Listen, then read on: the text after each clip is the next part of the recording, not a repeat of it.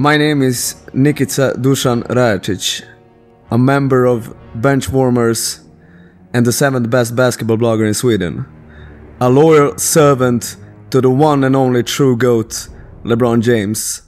Brother of Vladimir, laughed upon for no reason whatsoever, and I will get my vengeance in this episode or the next one.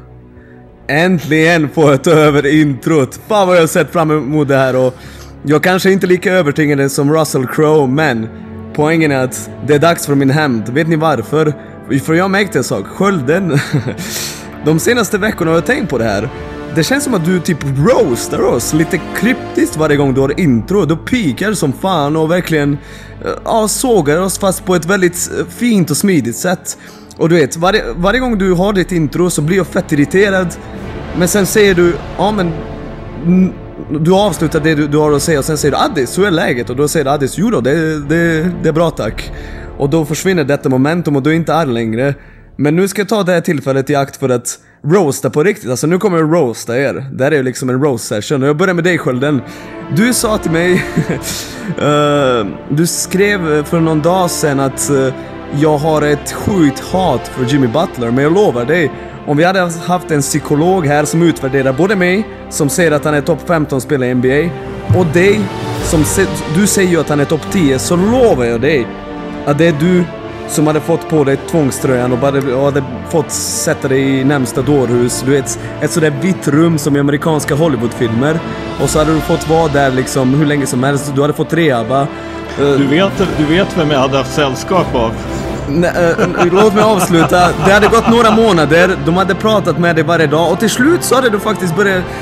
Du hade säkert börjat göra framsteg och säga om oh, okej, Butler kanske inte är topp 10. Och sen sista dag, du vet när de ska släppa ut dig, så hade liksom två läkare i vita rockar bara frågat dig en sista gång. Skölden, är Jimmy Butler topp 10? Och då hade du sagt nej, men jo han är topp 10 winning player. Och då hade de här läkarna tittat på varandra och bara nickat och så hade de liksom uh, varit tvungna, tvungna liksom att uh, ge dig en spruta och du hade bara legat där och bara NEJ! NEJ! Uh, så det är du som är galen och inte jag. Uh, Stefan, uh, du måste fan sluta hålla på och skicka länkar till mig där folk super, där elitidrottare super. Alltså vad, är- vad är grejen med det liksom? Det är ju helt otroligt. Det är faktiskt tur att du inte fick det där ungdomslandslagsansvar i jobbet. För då hade alla våra ungdomsspelare blivit eh, fan festare av rang och kedjerökare. Jag vill inte se klipp på när Luka Doncic dricker alkohol och jag vill inte se videoklipp på juggar som röker på krogen. Alltså det säger mig ingenting. Elitidrottare ska sköta sig och de ska inte hålla på och liksom dricka och röka. Dina stories om hur du liksom röker med Teodosic efter VM semifinalen 2014, alltså det, det är ingenting jag imponeras av. Uh, och Addis, uh, det där med Kevin Garnett att han är bättre än Tim Duncan är ju liksom... uh, jag vet inte, jag tycker nästan synd om dig för det är ingen som vill ha den här diskussionen med dig. Alltså på riktigt, du, du diskuterar med väggar. Släpp det bara. Det är, ingen någonsin kommer ge dig den. Jag vet att du har dina argument, men bara släpp det. Det är över. Det är ingen som någonsin kommer hålla med dig. Uh, och Johansson, det är två saker. Nummer ett, hur kan du trasha mig när jag vinner 21 på din korg? Din låga korg utanför liksom uh, ditt hus. Det är ju jag som ska trasha dig. Och, och du vann ju första matchen och sen hade du ledning i andra matchen och ändå kommer tillbaka och vände som LeBron James i liksom finalen 2016. Så du ska inte få trasha mig och sen vill jag även säga att det, är, det inte är en personlighet att heja på San Antonio Spurs 2021. Det är ju mest sorgligt. Det är, alltså, det är totalt meningslöst. Du kan lika väl eh, heja på ett G-League-lag. Uh, så ja, det, det var mitt intro. jag ville bara trasha lite, jag kände för det. Jag planerade det här hela veckan så låt oss sätta igång det 69 avsnittet av Bänkvärmarna. Tack för att ni har lyssnat på det 69 avsnittet av Bänkman. Hej Addis, hur är det med dig? känner, känner du att Nick borde köpa en brödrost i veckan? Så han liksom har någonting att komma med eller hur är det? Jag, eh, jag mår bra. Det är, jag är glad att Nick har fått ut sina uppenbara aggressioner gentemot oss. Eh, han ska ju såklart inte behöva gå och hålla på det här. Så att eh, ja, jag är glad att Nick fick göra det här introt då, och så att han liksom kan gå vidare nu från eh, aggressionerna mot oss. Ja, det var skönt, det var skönt. Är det, är det nu du ska fråga Stefan hur det är med honom och Nick eller ska jag göra det? Ja, nej, kör du, kör du. Du kan ta över nu. Jag, jag, jag har Hur är- sagt hur, mitt. är, hur är det med dig då, Stefan? Ja, helt okej. Det som slår mig med Nicks utlägg är väl att han någonstans, som den man av landsbygden han är, tror att man i vuxen ålder fortfarande ska imponeras av att folk röker med eh, andra människor. Men vad vet jag, det, det, tiden har väl stannat där ute i valfri Köping eller vart han bor någonstans. Men ändå, han, han såg ju till att vi fick in Milos Teodosic i podden. Det, det är faktiskt inte fel. Johansson, hur är det med dig då, din gamla Spurs-fan? Eller Spurs-fan? Det är bra. Betyder det att vi kan döpa avsnittet till Theodosic nu? Nej, avsnittet, avsnittet ska heta Ja. Guns Blazing. Det har vi ju redan kommit överens om. Ja, nej, men det är bra. Även som... eh, Jag är Brooklyn Nets nu. All the way. Så att eh, det är bra. Men vadå, har, du lämnat på riktigt? Nej, jag har inte lämnat på riktigt. Nej, och det är helt sjukt. Men du kommer, idag- att gilla, du kommer att gilla Brooklyn Nets eftersom de har Boomer Paddy Mills. Ja, men idag hände faktiskt någonting ganska roligt. Jag har börjat krypa mig tillbaka till coach, coacheriet igen. Va? Ja, Berätta. jag tog de första stapplande stegen mot att skapa storvreta basket för min sjuåring. Jävlar, spännande ju! Så nu ska vi börja titta på att konkurrera mot Uppsala Basket. Så Rutegården i andra Manos allihopa. Nu jävlar. Men finns det någon eh, rimlig eh, hall i Ja, det, Storvreta? finns, det finns en idrottshall här. Men eh, Okej. vi kommer ju hålla till här tills eh, de växer upp lite grann. Men ni vet ju som det är. Man, börjar bli, man blir ju fast med barnen. Så nu kanske man är på väg in i coacheriet igen. Okej. Alltså du Alltså- vet ju att din absolut främsta uppgift är ju att konkurrera ut innebandyn i Storvreta. Det är ju det första steget. Omöjligt. Ja, Nej, nej, nej, nej, nej. Ingenting är omöjligt. Det är bara vissa saker som tar lite längre tid. Ja, jag firade ju med de tre alkisarna när de vann SM-guld senast på torget här. men eh, men eh, så att då blir du direkt konkurrent till liksom Uppsala Basket. Eh, Jajamän, jag har kontakt med att vi kör här under den fina klubben Storvreta IK. Okej. SIK. SIK, SIK. Jajamän, vi har många fina, jag tror att det är längdskidåkare, men citera mig inte på det där tack. Nick, Ja. hur är det med dig då nu när du har fått ut dina aggressioner? Ja, jo då, det, det är lugnt. Jag ser att vi fortfarande har det kämpigt mot Portugal. 31-30 vi leder, men... Eh, jo, men det är bra. Det är bra. Det känns skönt att jag har fått ut det här och... Eh, gillade ni mitt eh, remix på Gladiator-talet? Jag fattade inte ens det. Oh my god. Addis, klipp, klipp in sådär bakgrundsmusik från Gladiator. Snälla. Jag måste erkänna Johansson att till och med jag fattade det som inte ens tycker att Gladiator är en speciellt bra film. Men whatever. Ja. Det Ja, är jag kopplar inte det heller. jag som inte ens har sett Space Jam 2. Ja, så att folk fattar Har du inte gjort det? Jag har sett den två gånger. andra- Om eh, Lindvall skickade med inches, då hade jag fattat mer, men det där var ju, nej. Ja, då, sen slår det mig dessutom så här att vi, är så gen, vi, gen, vi har genomfört 68 avsnitt och några bonus och inte en enda gång har någon frågat hur det är med mig. Det är ju ganska intressant men skitsamma hur det är med mig. Nu gör vi så här att vi går till det vi ska prata om just nu. Samtidigt då som Sverige spelar VM-kval mot Portugal och Mattias Marcus som står på linjen så ska vi prata lite grann om landslaget. Och det är ju så här att coach Hugo Lopez har lämnat landslaget av personliga skäl och nu minns inte jag exakt men nu är det Nick. Hans kontrakt går ut i december så det här skulle väl då den här kval, förkvalbubblan då som Sverige är i tillsammans med Portugal och Luxemburg är väl med stor sannolikhet de sista matcherna på hans kontrakt i alla fall. Och sen har det ju inte kommit ut någonting hur det ligger till med nästa förbundskapten eller om man förlänger med Hugo Lopez. Men att Hugo Lopez åker hem med två matcher kvar, eller tre matcher, nej två matcher kvar är väl inte... Eh, känns inte som kanske någon signal att Hugo Lopez tänker vara kvar. Och sen Det kommer coach att han, i, han coach i Japan också, så han, det, det är ju över. Det, han kommer inte... Han kommer inte fortsätta. Det, är- det är liksom geografiskt omöjligt. Mm, mm, mm.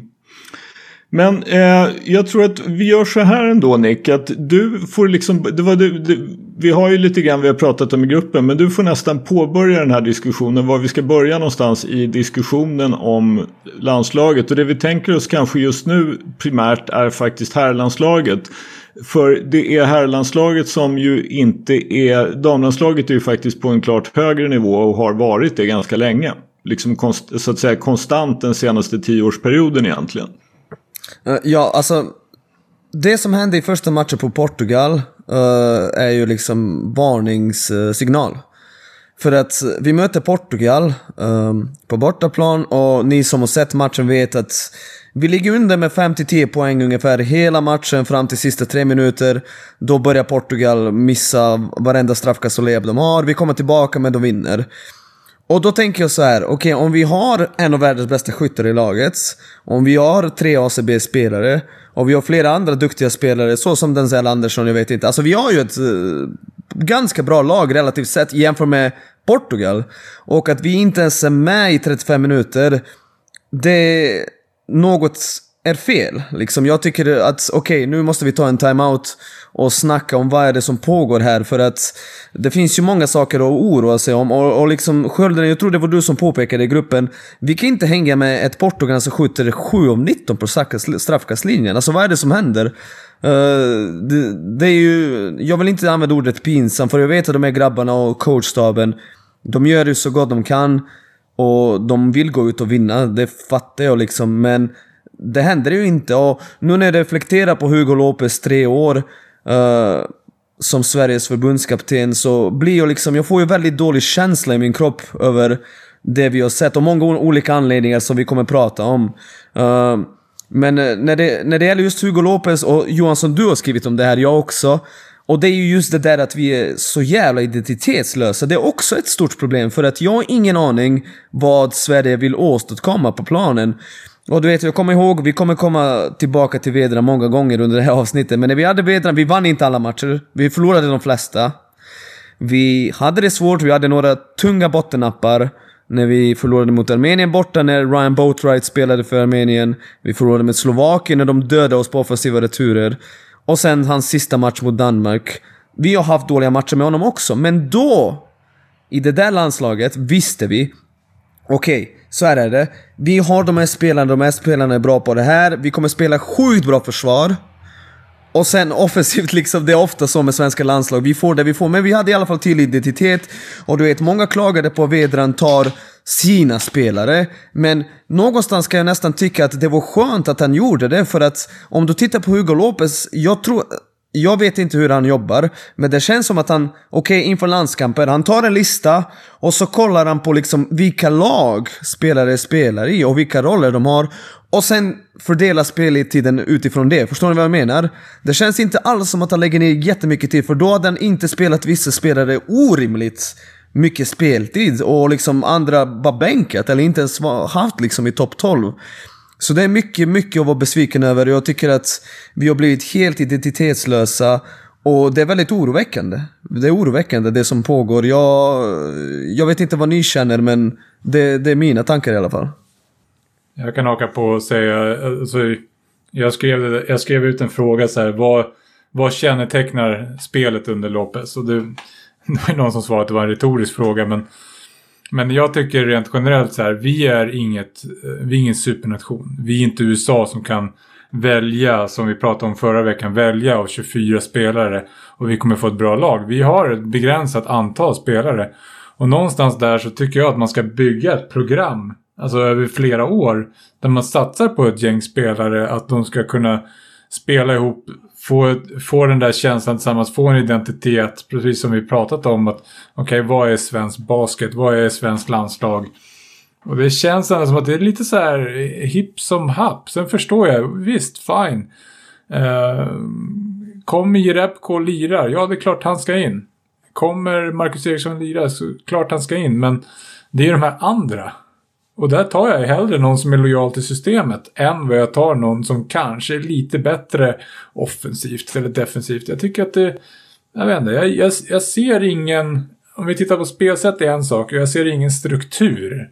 Om vi säger så då, i själva programmet från vad vill landslaget åstadkomma? Mm, mm. Men det där, alltså jag tror ju att en del i det här är ju förstås att eh, en spelare är i sitt klubblag väldigt, väldigt många dagar på ett år. Och vi har Alltså vi har ju ännu sämre förutsättningar nu att ha någon typ av program. Förut så spelades ju kvalen på sommaren och då var det ju enklare att liksom under en, en, i alla fall liksom en sammanhängande period försöka bygga ett program och försöka bygga liksom, ja, men det här står vi för, det här ska vi spela, de här reglerna har vi. Och man har, liksom man tar ut 14 till 16 man som kommer och är med. Eh, Än som nu, att det liksom går från fönster till fönster och det är oftast under säsong och liksom ena veckan är spelare A skadad och till nästa fönster så kan spelare B inte komma. Alltså att det, det, det finns ju en problematik i det där men jag tror ju att det stora problemet om vi pratar om en identitet det är ju det att vi har ju absolut noll liksom sammanhängande tankar om hur spelare ska utbildas från eh, från unga år uppåt. Liksom, det finns ingen liksom, linje någon, från något klubblag till något landslag. Eller det finns ingen utan det är, det är ju väldigt mycket så att alla springer sitt eget race. Från klubblag till landslagscoacher. Alltså, Skölden, jag respekterar vad du har att säga. Men jag vill säga att med det materialet vi har nu. Du vet, den här förra, första matchen mot Portugal, det var väldigt många som klagade, som jag snackade med, som klagade över att liksom Marcus Eriksson, vi, han ska inte stå på toppen och spela pick och rull. Liksom. Det är inte hans grej. Utan vi måste verkligen mata screens och även när han inte får bollen, Portugal har scoutat, då kommer ju liksom ja, hjälpa och överdriva. Och det kanske skulle öppna upp för andra. Och vi klagade även det där, de, det där sista kvalen när Thomas Massamba och Melvin Panzer står och spelar pick i mitten hela tiden när vår framtid står på spel och liksom en EM-biljett. Alltså förstår du vad jag menar? Mm, jag... Ja, men, jag, jag, är helt med. Jag är, alltså det, men vi pratade ju lite grann om identitet. Här är, här är det ju precis som du säger. Om vi har Marcus Eriksson i laget så måste man ju förstås ha någon form av tanke hur man ska utnyttja honom. Både att se till att han får skott men att man också ser till då att motståndarna måste anpassa sig så att han inte får skott och vad gör vi då? Exakt. Och, och sen även vill jag säga en, en till sak. Och det är att eh, det här med Hugo Lopez är också, jag får en väldigt dålig känsla i kroppen för att det har hänt grejer som jag tycker eh, visar att han och han... Okej, okay, jag börjar med det här. Så jag har fått höra, eller jag, jag börjar med att säga, jag har aldrig hört från någon spelare, och det är inte så att jag är tight med alla och att jag snackar med alla, men jag har aldrig hört från en spelare säga att en spelare säger oh jävlar vad Hugo Lopez är en bra coach. Däremot har jag fått höra från flera personer att han väljer att störa sig på spelare som är utanför startfemman och kanske inte får mycket speltid. Och jag tycker det där är bara konstigt. Att han väljer en spelare per liksom kvalfönster som är boxningspåsen som han ska liksom vara less på. Det gillar jag inte. Det funkar inte med svenskt landslag. Jag har även fått höra att han coachade ju i Kanada och Marek Klasen spelade i Kanada. Och när Marek Klasen ringde upp Hugo Lopez och frågade liksom om eh, hur är ligan och bla bla bla. Och då sa han du är för bra för svenska ligan. Svenska ligan är ju dålig. Och då tänker jag, okej okay, du som förbundskapten, jävla vilken ambassadör du är för svensk basket. När du tycker att Marek fucking Klasen är för bra för ligan. Uh, och jag vet inte, det är annat också. Jag tittar på hans CV. Var har han coachat? Jag, jag fattar inte varför han varför fick han möjligheten att coacha Sveriges landslag ens? Börjar undra. För att om du tittar på hans CV och sen jämför du liksom... Vi har, vi har haft Kostas Flevaraki som coach, vi har haft Vedran Bosnic som hade vunnit fyra titlar som coach. På de sidan, Gomes och eh, Crespi, eh, det blev inte bra. Eh, på, av flera olika anledningar, men de har ju jävla CV. Det känns som att den här mannen, Hugo Lopez, har jävligt bra kontakter. Och att det är det han har levt på liksom. Och jag vet inte. Ta bort den här matchen i Globen mot Turkiet, det har fan varit katastrof. Mm. Men för mig går det ända tillbaka, vi pratade lite om det i gruppen också, om att här, för mig går det tillbaka ända till att Vedran får sparken. För mig är det där, där är det nästan mest eh, problematiskt för mig. Dels så eh, varför man gjorde det. Nu, nu kan inte jag sitta här och säga att jag vet varför man gjorde det. Men det man kommunicerade utåt var att ja men hej vi behöver en ny röst. Det, det är i princip det som står i pressmeddelandet om det. Eh, ni vet själva att det var ju flera spelare som gick ut, alltså med namn också, och sa att de tyckte att det var fel. Flera mm. i landslaget gjorde det. Jag, jag, vet att det var Malin eh, Wahlberg från Aftonbladet, hon hade ju flera, säkert fem, sex stycken eh, i sin artikel om det, där, där, som gick ut och sa att de tyckte att det var ju helt fel att göra. På vilka grunder ansåg man att man behövde en ny röst? Det är det jag undrar. det, jag kan liksom inte köpa det. Ja, jag kan ge dig svaret på den frågan. Ja. Alltså, anledningen till att han fick kicken var ju att folk, an, vissa ansåg att uh, han Vedran polariserade liksom coachkåren och svensk basket. Men det är ju, det är ju så löjligt att det, det finns inte liksom. För eh, jag bryr mig inte om du polariserar. Är du en bra coach, vilket Vedran är, han har, han har, fan, han har ju jävla sensationell bra coach om du tittar på hans resultat med Bosnien och i Belgien liksom. Vi hade ju verkligen en man som ville vara där i 10-15 år och verkligen, alltså han, han ville ju vara Sveriges förbundskapten. Ja. Och vi dumpade honom och du vet, den här förlusten mot Danmark, den var väldigt dålig. Det, Jag vet inte om ni kommer ihåg det, men det var riktigt illa. Men då tänker man så här, okej, kicka honom, men då tar du fan in någon som är bättre. alltså förstår du vad jag menar? Ta inte Hugo freaking Lopez. Exakt, men det är det som är grejen. Vart ska Sverige hitta någon som är bättre än Vedran? Förstår du hur jag menar? Det, Det jag tycker att det, det är så absurt alltså att, att ge honom kicken där och då. För att vad du säger, han polariserade svenska coaching. Vad betyder det ens? Alltså så här, egentligen. Det, det låter han för gjorde mig folk, som... Folk var avundsjuka. Ja. För att han vann ut Ja. och ut. Och, och folk blev bara så här. De började störa på såna här löjliga jävla grejer. Och det säger jag till alla där ute. Som störde sig att- på att han var inne på plan. Håll käften. Ja, Sitt alltså så här gråt. Alltså. Det där, alltså, ja, larvigt. Och, ja men som du säger, och, och Nick du sa någonting om att folk tyckte att han höll sina spel om ryggen. Eller vad var det du Exakt. sa? Ja, okej. Exakt. Men, men vilket var det mest dominerande basketlaget i, Sve- i Sverige där och då? Fan, Södertälje gick ju till, för jag antar att det är Södertälje-spelare du menar? Men, men, men du, förlåt för att jag avbryter. Du vet, han hade ju Jonte Persson. Jonte Persson var inte en Södertälje-spelare, utan han hade ju spelare han gillade. Han, Johan Löber fick aldrig chansen. Det var ju en spelare som många, "Ja, men när ska Johan Löber få chansen? Men Johan Mm. Löber är mycket bra, ni vet att du tycker att han är en ruggig bra basketspelare, men han är inte värd att vi liksom Nej. sparkar, sparkar en coach som fucking tar Bosnien till EM Exakt, med trasig trupp. Han får, han får kicken och tar Bosnien till, till EM. Han, han, vinner i, eh, han vinner inhemska titlar i Schweiz. Han kommer tvåa i Belgien. Alltså, vi, vi sa ju det. Vedrans nästa jobb. Vad, alltså, vad är taket? Jag vet inte ens längre. Han, han kan ju hamna i ett riktigt bra Europajobb. Eller hur? Exakt. Det är väl inte Exakt. omöjligt att det skulle vara Nej, så. det, det är nog nästa steg, ja. Och det blir så här, slarva bort det för att folk är lite sura på att han, ja, jag vet inte, jag, jag tycker bara att det är så, så konstigt beslut och ja, jag vet inte. Ja, jag tror att, du vet i början så tänkte jag så här. Det är bästa beslutet för båda sidorna för det löste sig för Vedran jävligt bra. Alltså han har fått enorm, eh, liksom, han har ju ja, avancerat uppe i hierarkin. Och jag trodde ändå att på ett sätt att det var bra att du vet vi får in en utländsk coach du vet, som kanske får, vi kan börja om från noll. Men han, eh, Lopez ska inte coacha. Men Alltså, det finns ju ett problem till, eller jag tycker det finns ett problem för att återvända till det här med, med vedran. Alltså för det första då så var vi i en situation där, ja men vi har inte riktigt vi har inte ekonomin för att ha en heltidsanställd förbundskapten som inte gör någonting annat. Det, och, all, och även då så att säga när, jag vet ju till exempel då när Lasse Johansson var förbundskapten för damerna.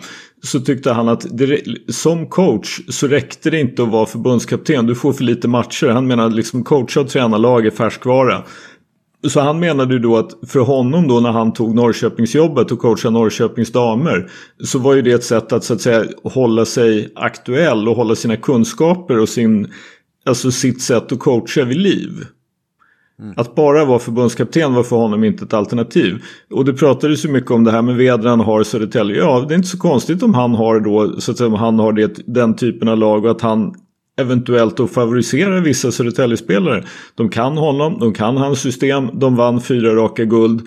Han skickar, spelare som har spelat för honom hamnar utomlands på ganska vettiga kontrakt som vi faktiskt inte har sett så här fruktansvärt många av. Det var inte konstigt att eh, att, så att, säga, att Vedran blev en dominant person i svensk basket. Och en sak till med det här som ju inte är helt ointressant i sammanhanget är ju faktiskt det att jag vill hävda att Vedran har bidragit till att professionalisera coachyrket i Sverige och att vi har bidragit till att vi har en massa unga bra coacher på väg upp. Därför att de har fått en förebild. Det har vi pratat de har om gått steg tre och steg fyra med honom. De har pratat med honom. De har förstått så att säga. Det är ju inte bara Ludde Degernes som har varit hans assisterande coach och sen har tagit över Södertälje. Utan det är ju ett antal coacher till. Som har varit liksom nära Vedran under de här utbildningarna. Varit nära honom. Kanske varit assistent någonstans eller motsvarande. Och på något sätt har sett att ja, men okej, det, här, det här är den tid du kan lägga ner. Det här är de detaljer du kan jobba på. Så här kan du bygga relationer. Alltså de här kraven kan du ställa på andra om du har ställt kraven på dig själv. Alltså jag upplever att vi har fått en, ett antal coacher som är mycket mer proffsiga än många coacher vi har haft tidigare. Trots att, vi, inte, trots att vi kanske Ja, ja. har ett antal klubblag som inte på något sätt betalar dem bättre eller sämre än vad de har gjort förut. Ja, och, och vem är med honom nu som assisterande? Det är ju Adnan som är det, eller hur? Mm. Hur, hur många svenska coacher får vi ut i EM 2022? Ja. Mm. Mm. Och, och det, det är lite det som är grejen också, att vi, vi pratade om vem ska vi ta som är bättre än Vedran. Det kommer vi inte, vi har inte råd till det. Och det kan vi glömma. Men det vi kan göra är att ta en yngre svensk coach och ge honom de här 5-6 åren så att hans, hans namn kommer ut så att den här coachen kanske får chansen i utlandet i framtiden. Det är det enda vi kan göra i det här läget och jag tror och hoppas att det är det som är på G att hända. För nu måste vi, nu räcker det med utländska coacher liksom som alla vi stör oss på liksom. Det har varit många eh, de senaste åren. Så det räcker. Nej, och särskilt om vi pratar om det här att vi ska bygga någon form av identitet. Sen kan man ju då säga att, ja men okej, om vi då ska lära oss någonting av Vedran så är det väl kanske just det här att, ja men hur bygger vi då och det är ju inte bara Vedran, det här är ju tror jag någonting som har pågått ganska länge. Hur bygger vi en relation mellan landslagen och klubblagen som är positiva? Hur gör vi så att svenska spelare vill eh, Eh, vill vara med i landslaget. Nu har vi ju hamnat i en situation, det här är ju faktiskt lite olyckligt, att vi då har en situation där Jonas Jerebko har spelat få landskamper, Jeffrey Taylor har spelat få landskamper och de hade ju spelat ganska få landskamper hur vi än hade gjort i och med att man ändrade på det här med kvalfönstren från sommaren till att spela under säsong. I och med att de har spelat i NBA och Euroleague så har inte de kunnat komma loss. Men då är det ju desto viktigare att vi har på något sätt de som kan vara med, att de vill vara med och att de är med och att vi har en identitet och att när vi kommer till de här bubblorna och har tre eller fyra dagars förberedelser att det kommer dit spelare som ett, vi vill vara med, två, vi vet vad vi håller på med, vi kommer fort in i hur vi ska spela. Och då kanske vi kan få med de som inte kan vara med i kvalen om vi kan gå till ett mästerskap. Men så är det. Så är det. Så ja, det, det är som sagt, det, det är en... Det är, jag ser det som att, och det här är ju inte en enkelriktad gata. Det, vi har ju pratat mycket om det här att vi kan inte bara titta på förbundet och säga förbundet ska göra si eller förbundet ska göra så. Utan det krävs ju naturligtvis en öppenhet från klubbarna också. Men jag, jag, vill, jag vill ta upp det där med förbundet, Skölden, för att nu när det blir så här dåligt så är det ofta så att folk ja ah, men förbundet, förbundet, vad fan förbundet? Och jag märker att det är väldigt många som är frustrerade. Problemet här är ju att nu märker jag att det finns väldigt många som bara på autopilot så snabbt något inte funkar. Ja, ah, förbundet, förbundet, förbundet, förbundet. Vi har precis fått in massa nya människor och ändå klagar man på förbundet. Fattar du? Alltså, spelar ingen roll vem som hade suttit där så hade folk kommit vad händer i förbundet? Och det är det jag inte förstår riktigt för att vi har ju som sagt ny ordförande, vi har nya människor i styrelsen, vi har ny generalsekreterare, vi har till och med bytt två på typ fyra år. Vi har eh, uh, ny ungdomslandslagsansvarig. Alltså vi har verkligen... Folk har försökt faktiskt städa upp och börja om från noll. Och det enda jag får höra är bara ah, men uh, fan byt ut alla, avgå alla, bla bla bla. Men alla har precis avgått! alltså, ibland undrar jag, vad är det folk vill ha? Förstår du? Det jag skulle vilja säga är faktiskt mer folk som kommer ut och ser konkreta saker. Och säger okej, okay, den här personen gör ett dåligt jobb. Jag skulle vilja se den här personen ta över det jobbet för att jag tror att den här personen skulle göra så här och så här. Förstår du? Jag tror faktiskt att vår kritik och förbundet måste bli lite mer nyanserade, för nu fattar jag faktiskt ingenting. Vad va, va är det folk vill ha? Alltså, förstår ni vad jag menar? Mm. Mm. För jag märker att det är väldigt många som är väldigt frustrerade liksom och bara hänvisar till förbundet. Och nu har vi faktiskt sågat beslutet att, att dumpa Vedran och anställa Hugo Lopez. Och det ska de ha kritik för, för det var inget bra jävla beslut. Men man kan inte liksom hålla på och bara peka, som du säger, skölden på förbundet och säga att allting är deras fel och Liksom, om, om vi liksom, är, det, alltså det är inte Ryssland, det är inte revolutionen i Ryssland 1917. Ska vi bara organisera statskupp varannan månad liksom? Vi måste ge det lite tid och liksom hoppas att det kommer bli bättre. Blir det inte bättre inom några år så kommer vi se, okej, okay, det är dags för nya människor att ta över. Mm. Jag, jag kommer återigen lite grann på det här. Det är ju... vi ser någonstans toppen av det. Alltså, förbundet är ju toppen. De bestämmer eh, landslag och så vidare. Men, och det här är en jävligt tunn balans. som man får rida jävligt hårt. Det är ju liksom... Eh, vad gör klubbarna? Alltså, jag har pratat om det förut. Jag tycker... Och vi har pratat om det när det gäller ungdomslandslagen att vi ofta rent generellt inte går speciellt bra i de yngre och sen kommer vi närmare och närmare. Och, och det säger mig mer att vi behöver ha bättre träning för spelare när de är yngre. Att de får inte riktigt bra träning förrän de kommer upp till seniorlandslag, där, eller seniorlag där de, får, där de får riktiga coacher, riktiga träningar. Så det finns alldeles för många som sitter där ute i basket-Sverige och, och tycker att det de gör är bra. Och inte har den ödmjukheten att säga så här, ah, okej, okay, det går inte så bra där, vad kan jag göra? Och det säger jag med den tunna balansen av att, som jag sa, nu är man på väg tillbaka kanske in i coachingen. Och jag gör inget annat än att spela in den här podden just nu. Men Alltså jag blir lite trött på att man ska rikta gnället mot någon annan istället för att också, vad är det vi kan göra? Jag vet inte. Det, jag har svårt för det och jag är ju en del av det just nu. Alltså jag är en del av gnället. Det låter Men jag som tror att vi kan en, bättre. Det låter som en pitch för Storvreta Basket, eller? Är det det du säger? Ja, men alltså någonstans så är det så här. När jag ser folk som är riktigt engagerade i basket. Alltså, som även är inom föreningar och klubbar och så här. Bara lägger över ansvaret på förbundet. Då blir jag irriterad. Men eh, du Johansson, jag, alltså, min tanke är det här att jag förstår exakt vad du menar. Men hur kopplar du det till det vi ser nu i de här kvalmatcherna? För att, du vet, alltså vi har bra spelare. Det är det folk inte fattar. Vi kan inte säga att vi inte har bra spelare, för det har vi. Du vet, det där laget som vi hade mot Turkiet i den här avgörande matchen. Ludde Håkansson är inte med, Marcus Eriksson är inte med, Jeffrey Taylor är inte med. Typ tre eller fyra av fem våra bästa är inte med. Men vi har en, det är ju bra spelare vi har. Vi sätter 15 trepoängare i den matchen. Förstår du vad jag menar? Alltså vi... Jag tror att eh, vi ibland eh, blir förblindade av det där liksom frustrationen och bara ser allt är dåligt, allt är dåligt. Jag, jag skriver det här, eh, eller idag kom det ut officiella FIBA-rankingen. På de sidorna är vi plats 18 i fucking världen. Yo, vet ni hur stor sportbasket är? Och hur litet basketland Sverige är? Och vi är nummer 18 i världen. Det är ju fucking galet. Vi har ju flera ungdomstalanger på här sidan som är sjukt spännande. Vi har säkert tre stycken som är verkligen okej, okay, där kan ju bli riktigt bra.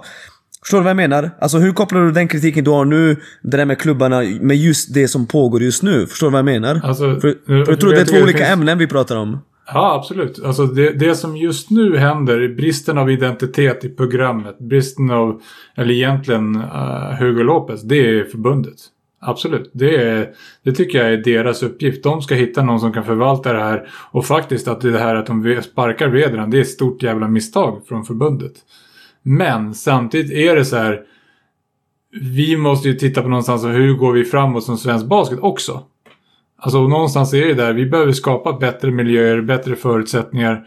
Jag vet att folk pratar om att så här inte ha några importer. Jag tror inte alls på det, men jag Nej, tror det, att som det, vi pratade om innan, att vi måste ge svenska spelare ett större utrymme att kunna vara, eh, vi har diskuterat det innan, scorers. Att vara de spelarna som har bollen när det blir avgörande lägen. Att importer kanske inte behöver vara eh, den som ska göra, de tre som ska göra 25 var.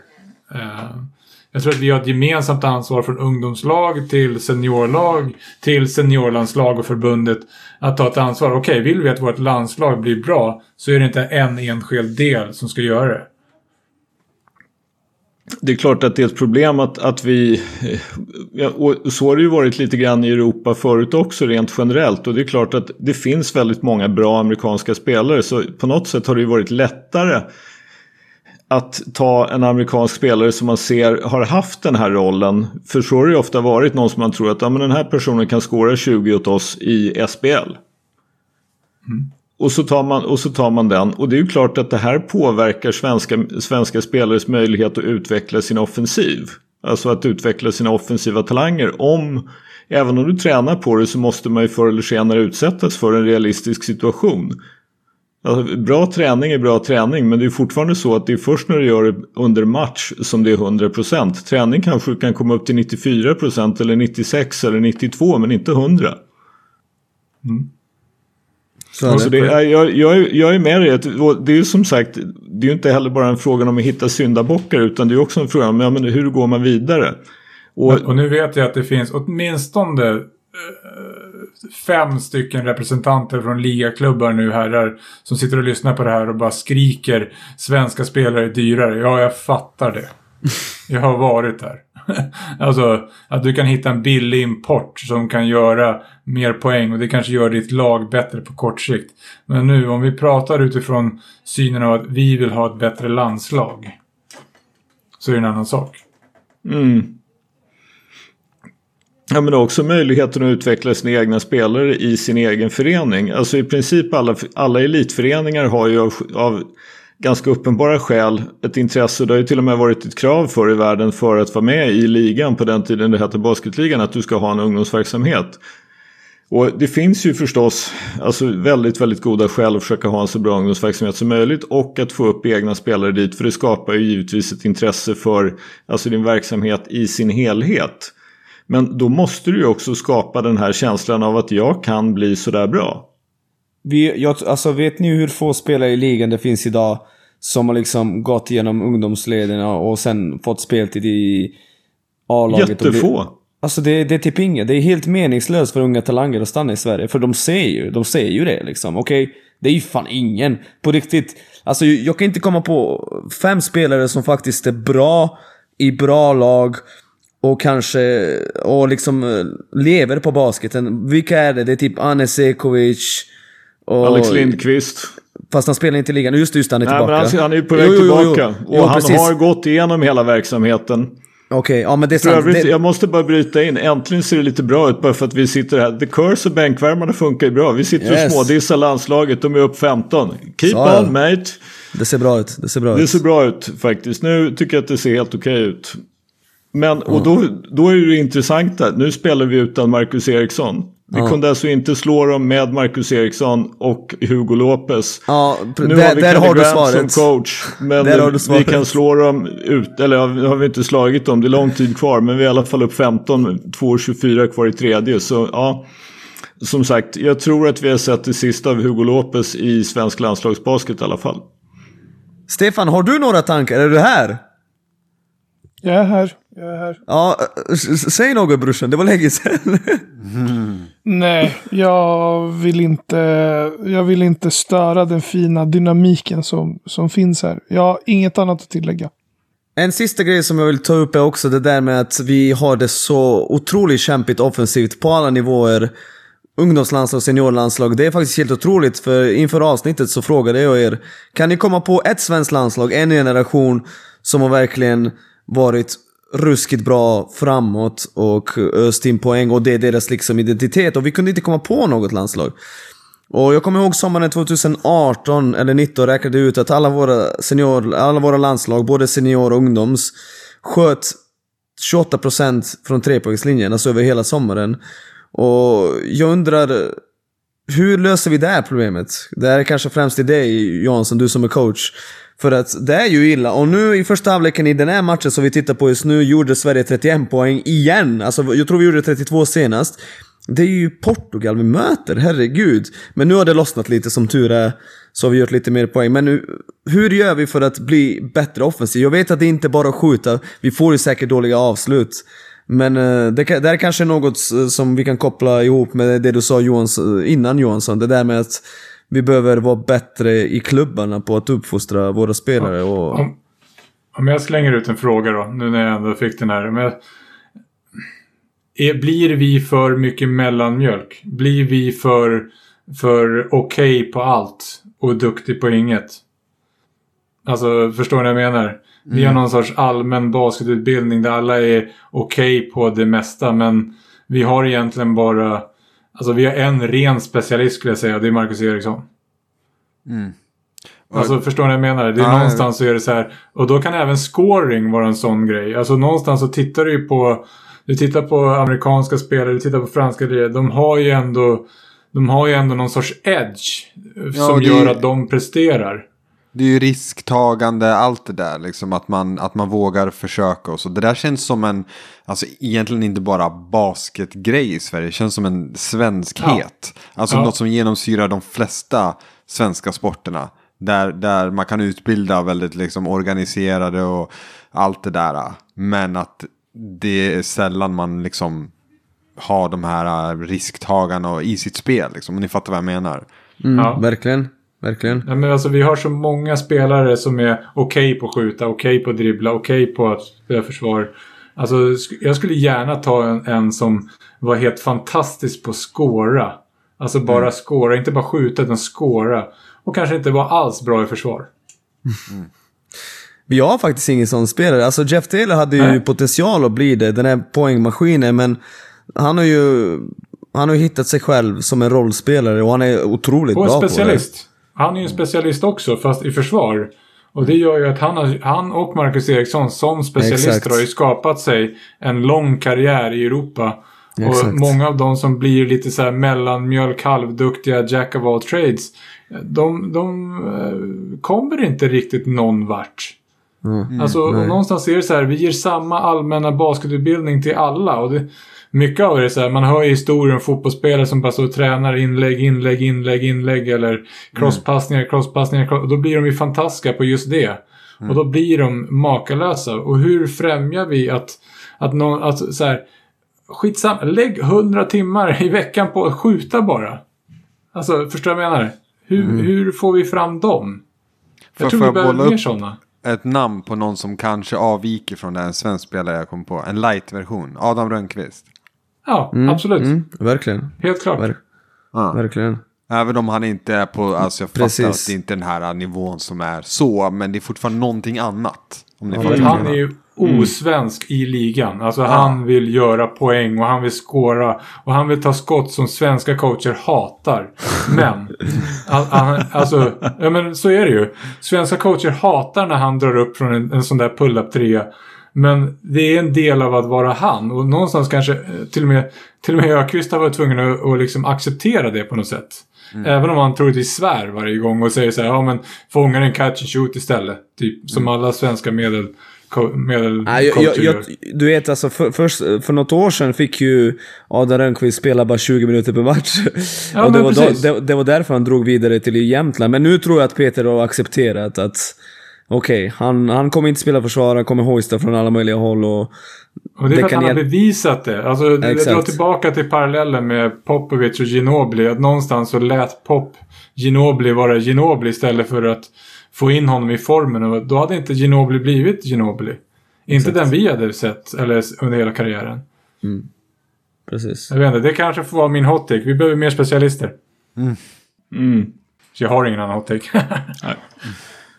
Ska vi gå vidare till eh, en kort sväng i NBA? Det är ju lite stiltje i NBA just för tillfället strax efter OS och Free Agency är ju i, praktiken slut. Jag skulle tro att klubbarna har gjort av med ungefär 99,3% av sina pengar och väntar. Det som är kvar är på någon slags veteran minimum och eh, buyouts i princip som, som liksom återstår. Det är ju ingen som har speciellt mycket free agency, free agency pengar kvar att lägga.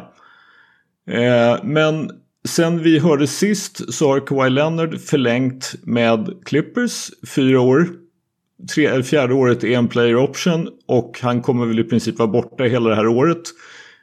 Så Clippers har tre år på sig kan man väl säga, eller möjligen fyra då, då att, att vinna en efterlängtad titel. Clippers har också varit aktiva och sparat sig lite pengar genom att trada bort eh, Pat Beverly.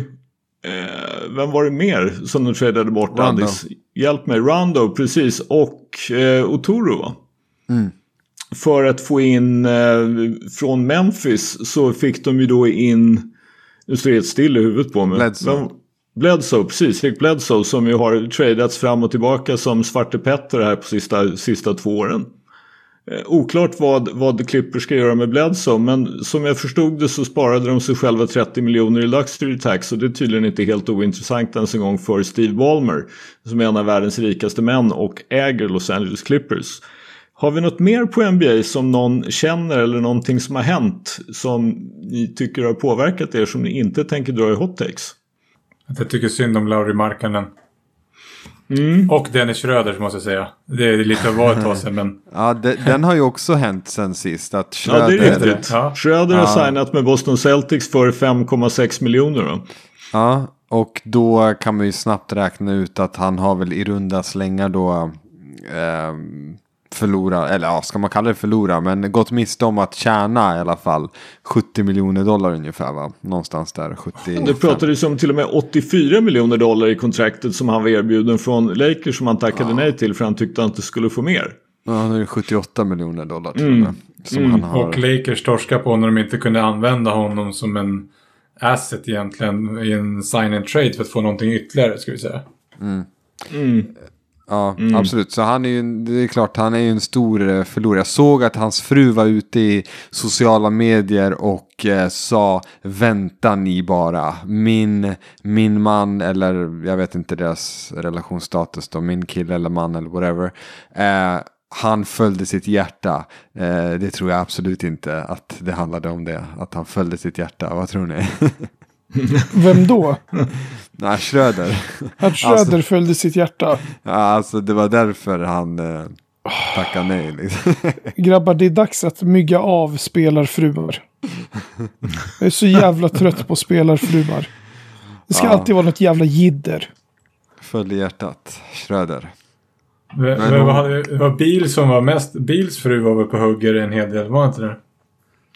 Jo, det var väl om... Eh, jag minns inte ens vad det var. Att han ville lämna Wizards eller något sånt, eller? Nej. Eller så var det ja, All-Star. Jag tror det var inte det att han inte blev... Ja, just det. Ja. ja. Exakt. Nej, men eh, jag tror inte Schröder följde sitt hjärta. Jag tror att han gamblade och torskade. Helt ja. enkelt. Så, det är, nog, så är det inte. Det är nog vad som hände. Vad gäller Lauri Markkanen är det ju så att Chicago Bulls som han har tillhört hela sin NBA-karriär plockade upp så att säga optionen på det femte året och gav honom ett så kallat qualifying offer för 9 miljoner dollar om året. Och det innebär att han är restricted free agent. Skulle något lag säga att ja, men du får 80 miljoner på fyra år så har Chicago rätt att matcha. Eller då givetvis strunta i det. Men än så länge så har Lauri Markkanen har det inte producerats något så kallat offer sheet för Lauri Markkanen från någon annan klubb. Ryktas han till någon klubb då? Vart ska han? Alltså det har ju, det har ju pratats om, och det är väl liksom om det är agenten som läcker om, eller om det är något annat. Men det pratades ju redan i fjol om att eh, New Orleans och Bulls skulle trada Alonso mot Lauri på ett eller annat sätt. Men det har ju inte blivit av. Nej. Eh, så det, det, ja. Jag vet faktiskt inte att det, har ju pratats lite grann om, om, om, andra klubbar också. Men det är väl framförallt New Orleans som skulle ha så att säga någon form av, av eh, de har ju ändå blivit av med en spelare och egentligen inte ersatt honom med någonting annat. De blev ju av med Lonzo Ball och har inte ersatt honom med någonting speciellt egentligen. De fick ju då Satoranski, någon till från Bulls som jag till och med glömt bort vem det är trots att det är just Bulls de fick honom ifrån. Och alltså de fick i princip två bänkvärmare och någon second round pick eller något sånt där för Lonzo Ball i en sign and trade. Mm, mm. Ja, det är spännande att se vart han hamnar då. Hur, hur länge, hur många år tills eh, Markkanen marknaden touchar eh, Murcia tror ni? Är det Fem års... Jag tror att han är, han är nästan 7 feet och kan skjuta runt 40 från 3. Så jag tror nog att han, han blir nog kvar i NBA rätt länge gissar jag, trots allt. Ja, det, där var, det där var dålig kallning. Han kommer vara kvar i NBA fan minst typ 10 år till. Ah, nej, jag vet fan. Va? Tror du verkligen att det finns uh, Murcia-potential? Ja, det, alltså kanske Guangdong? inte Murcia. Guangdong? ja, just, just nu har ju Kina inga utländska spelare överhuvudtaget i sin liga. Så vi får väl se ja. vad, som, uh, vad som händer där. Mm. Ja, nej. Vi får, som sagt, vi får väl se hur, hur saker och ting vecklar ut sig i NBA. Det finns ju en del, en del saker som man kan tänka sig händer innan allting är said and done och säsongen ska börja. Jag måste bara lägga till att jag, jag, jag noterade att Isaiah Thomas har ju fortfarande inget lag. Eh, om han ens kommer bli upplockad. Eh, såg ni att han gjorde 80, vad var det? 81, En. 82? 81, ja, 81 poäng, ja. 81 poäng i en sån här Pro-Am eh, eh, match förra Mm. veckan. Mm. Och sen så läste jag i morse att Peyton Pritchard gjorde 93 poäng eh, i en Pro-Am match. Vad är det för defense som spelas i de där egentligen? Mike James gjorde 63 poäng i samma match, så det är nog inget seriöst försvar. Gjorde Mike Ja, ah, shit, gjorde han 60 i samma match? I samma match som Pritchard, ja. Ja, jävlar. Ja, noll defense där i alla fall. Så är det. Jag är så trött på hela den där överdramatiseringen av insatser i eh, icke-tävlingsmatcher. Summer League också, för fan vad Summer League är överskattat. Alltså, Faktiskt. jag vill bara se typ top prospects, någon, alltså så här lite sekvenser och så, Cade och lite sådär. Sen vill man ju inte titta på mer Summer League. Sen är det bara Exakt deppigt. så. Exakt så. Det var ju nästan som en inledning till en hot take. Nick, du är ju den som brukar dra igång våra hot takes. så Du får göra det idag igen. Trots att du redan har dragit igång med brödrost och rost och intro, gladiator och hela köret så får du köra hot take först ändå. Ja, jag har faktiskt hittat en lösning och jag ska fan rädda NBA. Adam Silver, om du lyssnar på den här podden, gör så här. Ni vet att det har klagats väldigt mycket på att okej, spelarna, deras kroppar får mycket stryk, 82 matcher är för mycket, hur ska vi förkorta det, bla bla bla bla bla. 40 minuters matcher är svaret. Jag har tänkt på detta. Med 40, med 40 minuters matcher så tar du bort de här 8 minuterna på slutet och du vet 8 minuter gånger 82, du vet det, det blir ju mindre stryk. Och spelarna, i och med att de skulle spela 40 minuter per, eh, alltså i och med att det skulle vara 40 minuter effektiv tid så skulle de bästa spelarna kanske få spela, du vet, 29-30 och kunna liksom, du vet, alltså det sparar ju på kroppen, tror det eller ej. Eh, de här minuterna man skulle ta bort. Och matcherna skulle inte bli så långdragna liksom, för ibland känns det med alla timeouts och alla replays, eh, det känns som att matcherna tar tre timmar. Men 40 minuter per match, ta bort liksom eh, 12 minuter per period, utan kör som i Europa, 10 minuter per period. Du kommer fortfarande få in de här 82 matcherna och alla reklampengar och liksom intäkter från hemmapubliken, bla bla bla. Så ja, jag, jag tror faktiskt att det här är vinnande konceptet. Eh, Och tacka mig senare Adam Silver när du har räddat NBA och folk har slutat köra load management. Jag är på. Addis, jag misstänker att du har ett svar på den här. Nej men jag är på faktiskt. Alltså, Oh, nice. Ja men eh, jag vill ju gärna att de ska förkorta säsongen också. Att Det är ju för mycket. Eh, det är för Men det kommer aldrig matcher. hända. Det, för, Nej. för då, exakt. Ja. Jag fattar, det, den, den känns svårare eh, att det skulle ske. Det här är ju kanske mer realistiskt för att det är för mycket. Alltså de här matcherna, NBA-matcher, det är för länge, de är för långa.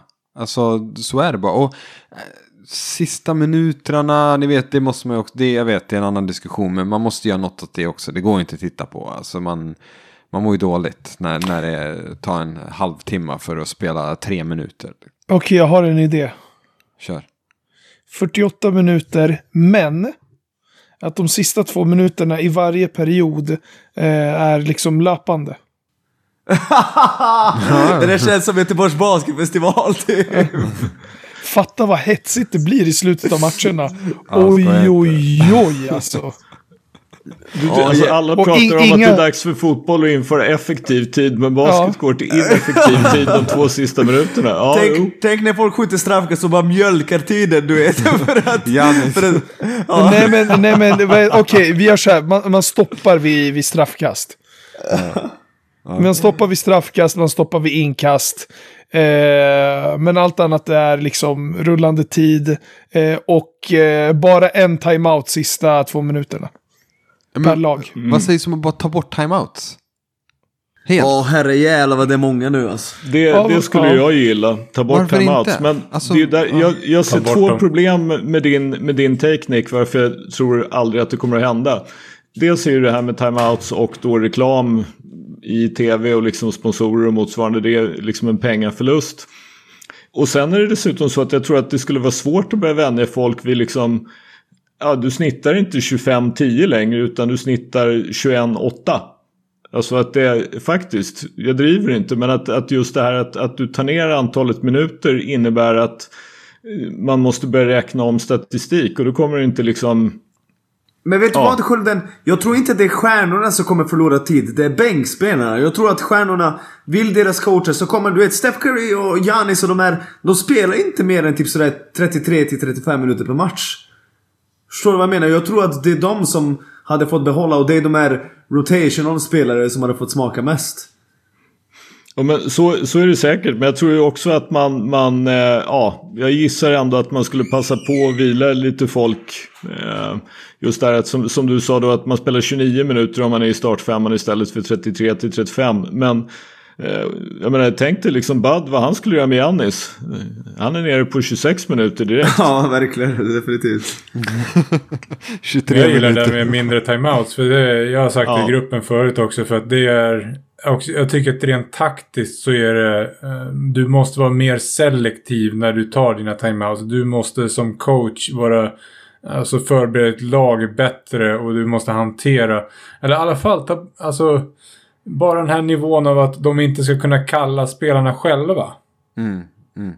Alltså, ta bort de live timeoutsen. För att jag, jag gillar, alltså, Typ man blir trappad och så bara, Ja. ja, time out. Det där, ja. ja, jag avskyr dem. Och, och, och som det är när man tittar på OS, här, tre timeouts i andra halvlek. Det innebär att du som coach måste göra taktiska val i tredje kvarten. Tar du din andra eller tar du inte den?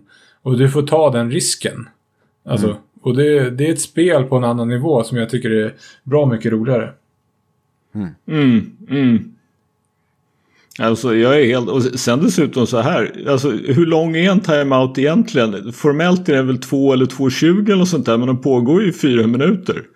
Ja, När de tar fulla timeouts. Det är ju inte 2.20 eller vad det nu är den ska vara. Det är ju liksom, 20 second time out som finns också. Det, precis, Ja, de är okej, inte jag- 20 seconds. Jag hänger på med en hot take då. Jag vill ha 3 gånger 10 och sen i, i fjärde kvarten så är det 20 poängs Elam ending. Nej men sluta, det där är ju bara att, att spotta för... Nej, fy fan.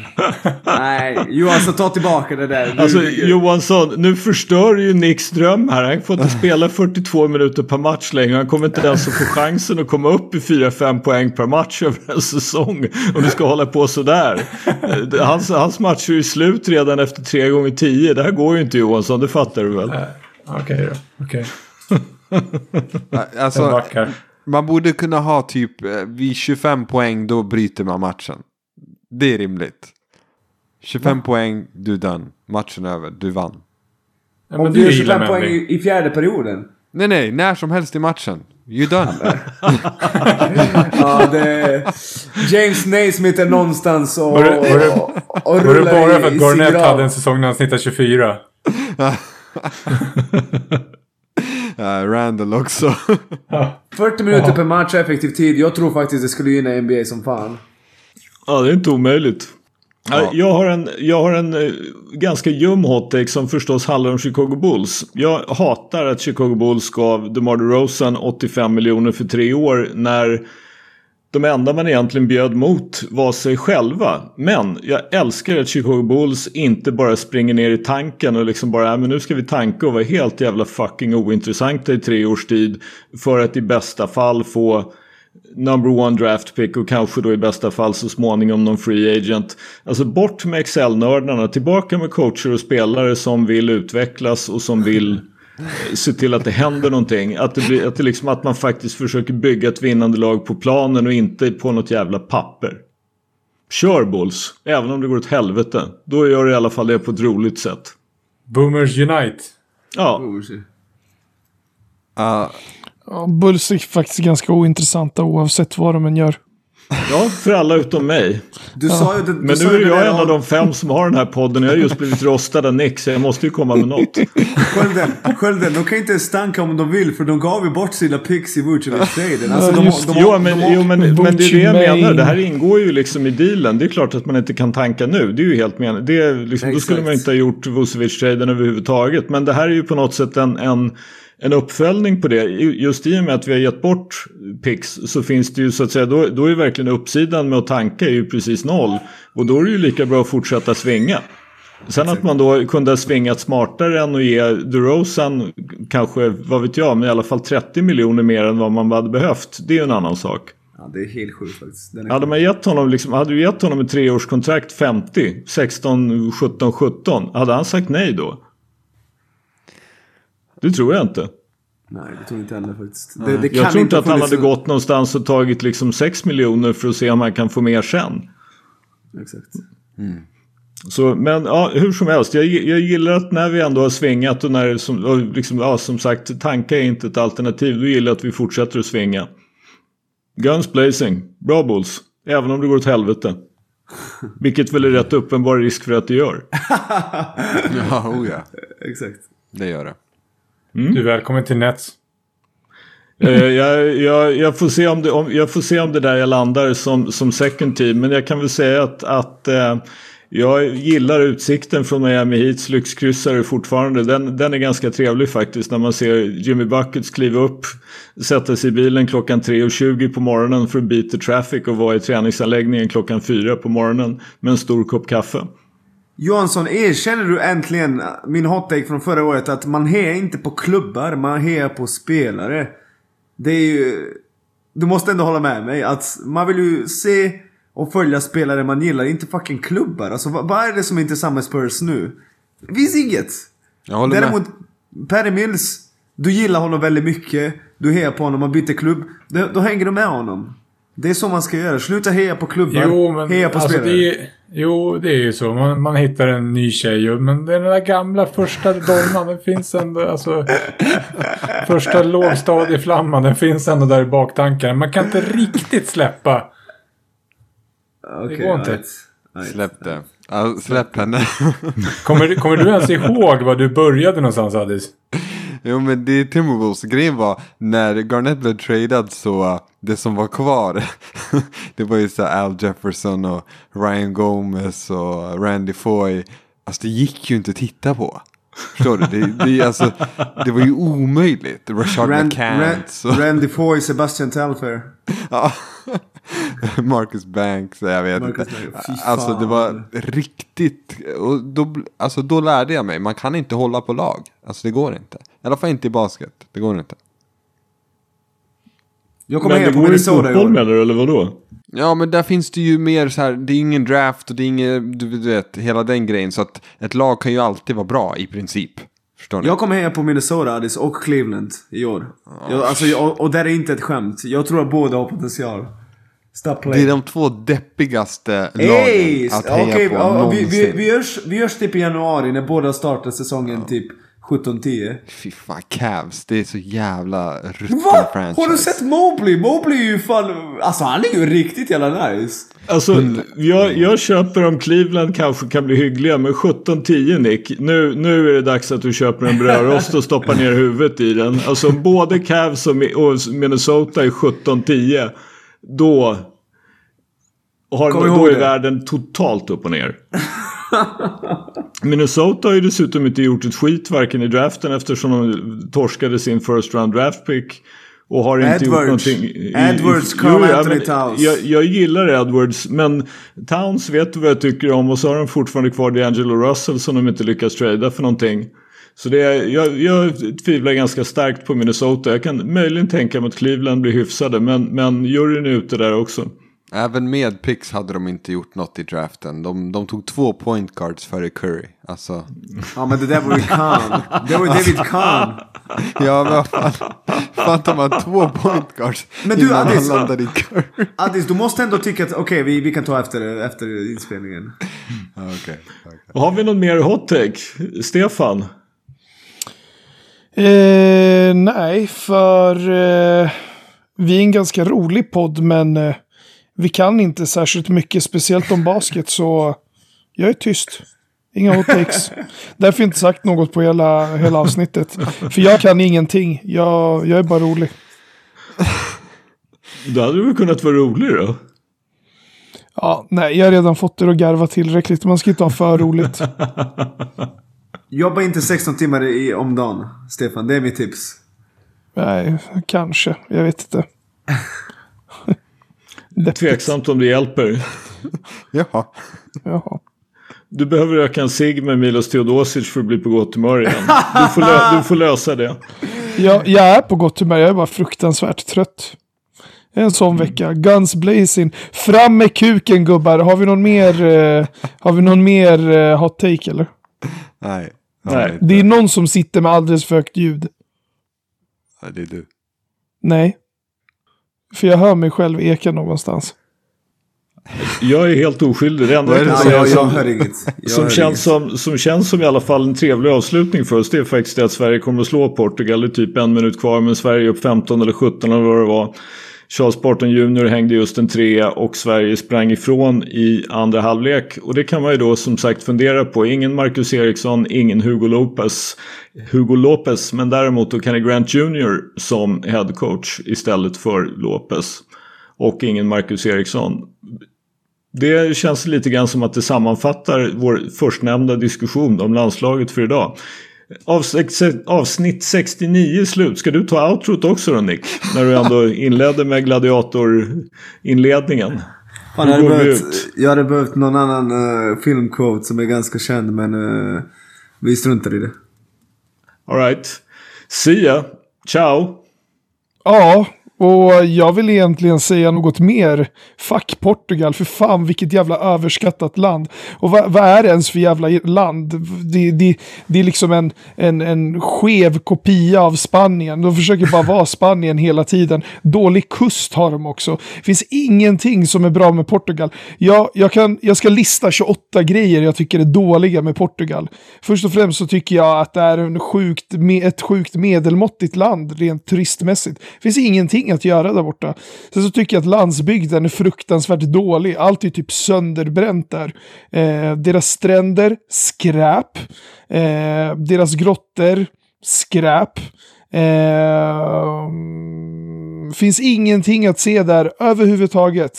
Eh, Upptäckte Amerika dock. Upptäckte Vadå? Amerika. De upptäckte Amerika. Portugiserna. Ja, men Nej, det var spanjorer. Det var spanjorer tror jag. Jaha. Ska du bestämma dig? Är det, är det Spanien eller Portugal som upptäckte Amerika? Äh, Jag kommer inte ihåg. Columbus får nog Ja. ses som, som spanjor tror jag faktiskt. Ja, han... Ja, Ja, exakt. ni, exakt. ni ser, det, är- det är till och med där liksom. Det finns ingenting. De kan inte göra någonting. De kan inte göra någonting. De kan inte ens upptäcka en ny kontinent. De kan inte ens kolonisera en ny kontinent tänkte jag säga. För visst har de koloniserat Sydamerika. Ja, där också. Kolonialmakt. Vilket jävla pissland. Alla länder som är kolonialmakter är sämst. Absolut sämst. Skittråkiga. Finns ingenting att göra där. Du vet att Sverige har haft kolonier också? Ja, jag Bara vet. sådär. Sverige är också ett Ja. jävla pissland. Nej, Förra nu, veckan. nu, nu räcker det. Nu räcker Stefan, det. jag lever och dör i Sverige. Finns inget bättre än Stockholm. Ja, och det säger, väl, det säger väl ganska mycket om resten av Europa. Det är så jävla pissigt överallt att till och med Sverige är det absolut bästa som finns. Ja, Ja, ja. ja. Ja, hej då. ja ni, vet, ni vet vilka vi är. Dra åt helvete, lyssna inte på den här podden. Vi kan inte ens basket. Vi snackar bara skit hela tiden. Ni hör ju mig, jag snackar skit nu. Jag har ingenting att säga. Jag har hållit tyst ett helt avsnitt. Och nu pratar jag bara skit. För det är det enda jag gör. Det är det enda vi gör. Vi kan ingenting. Ha det bra, skit på er. Benke ljuger aldrig. Det var bra, det var bra avslut det här faktiskt.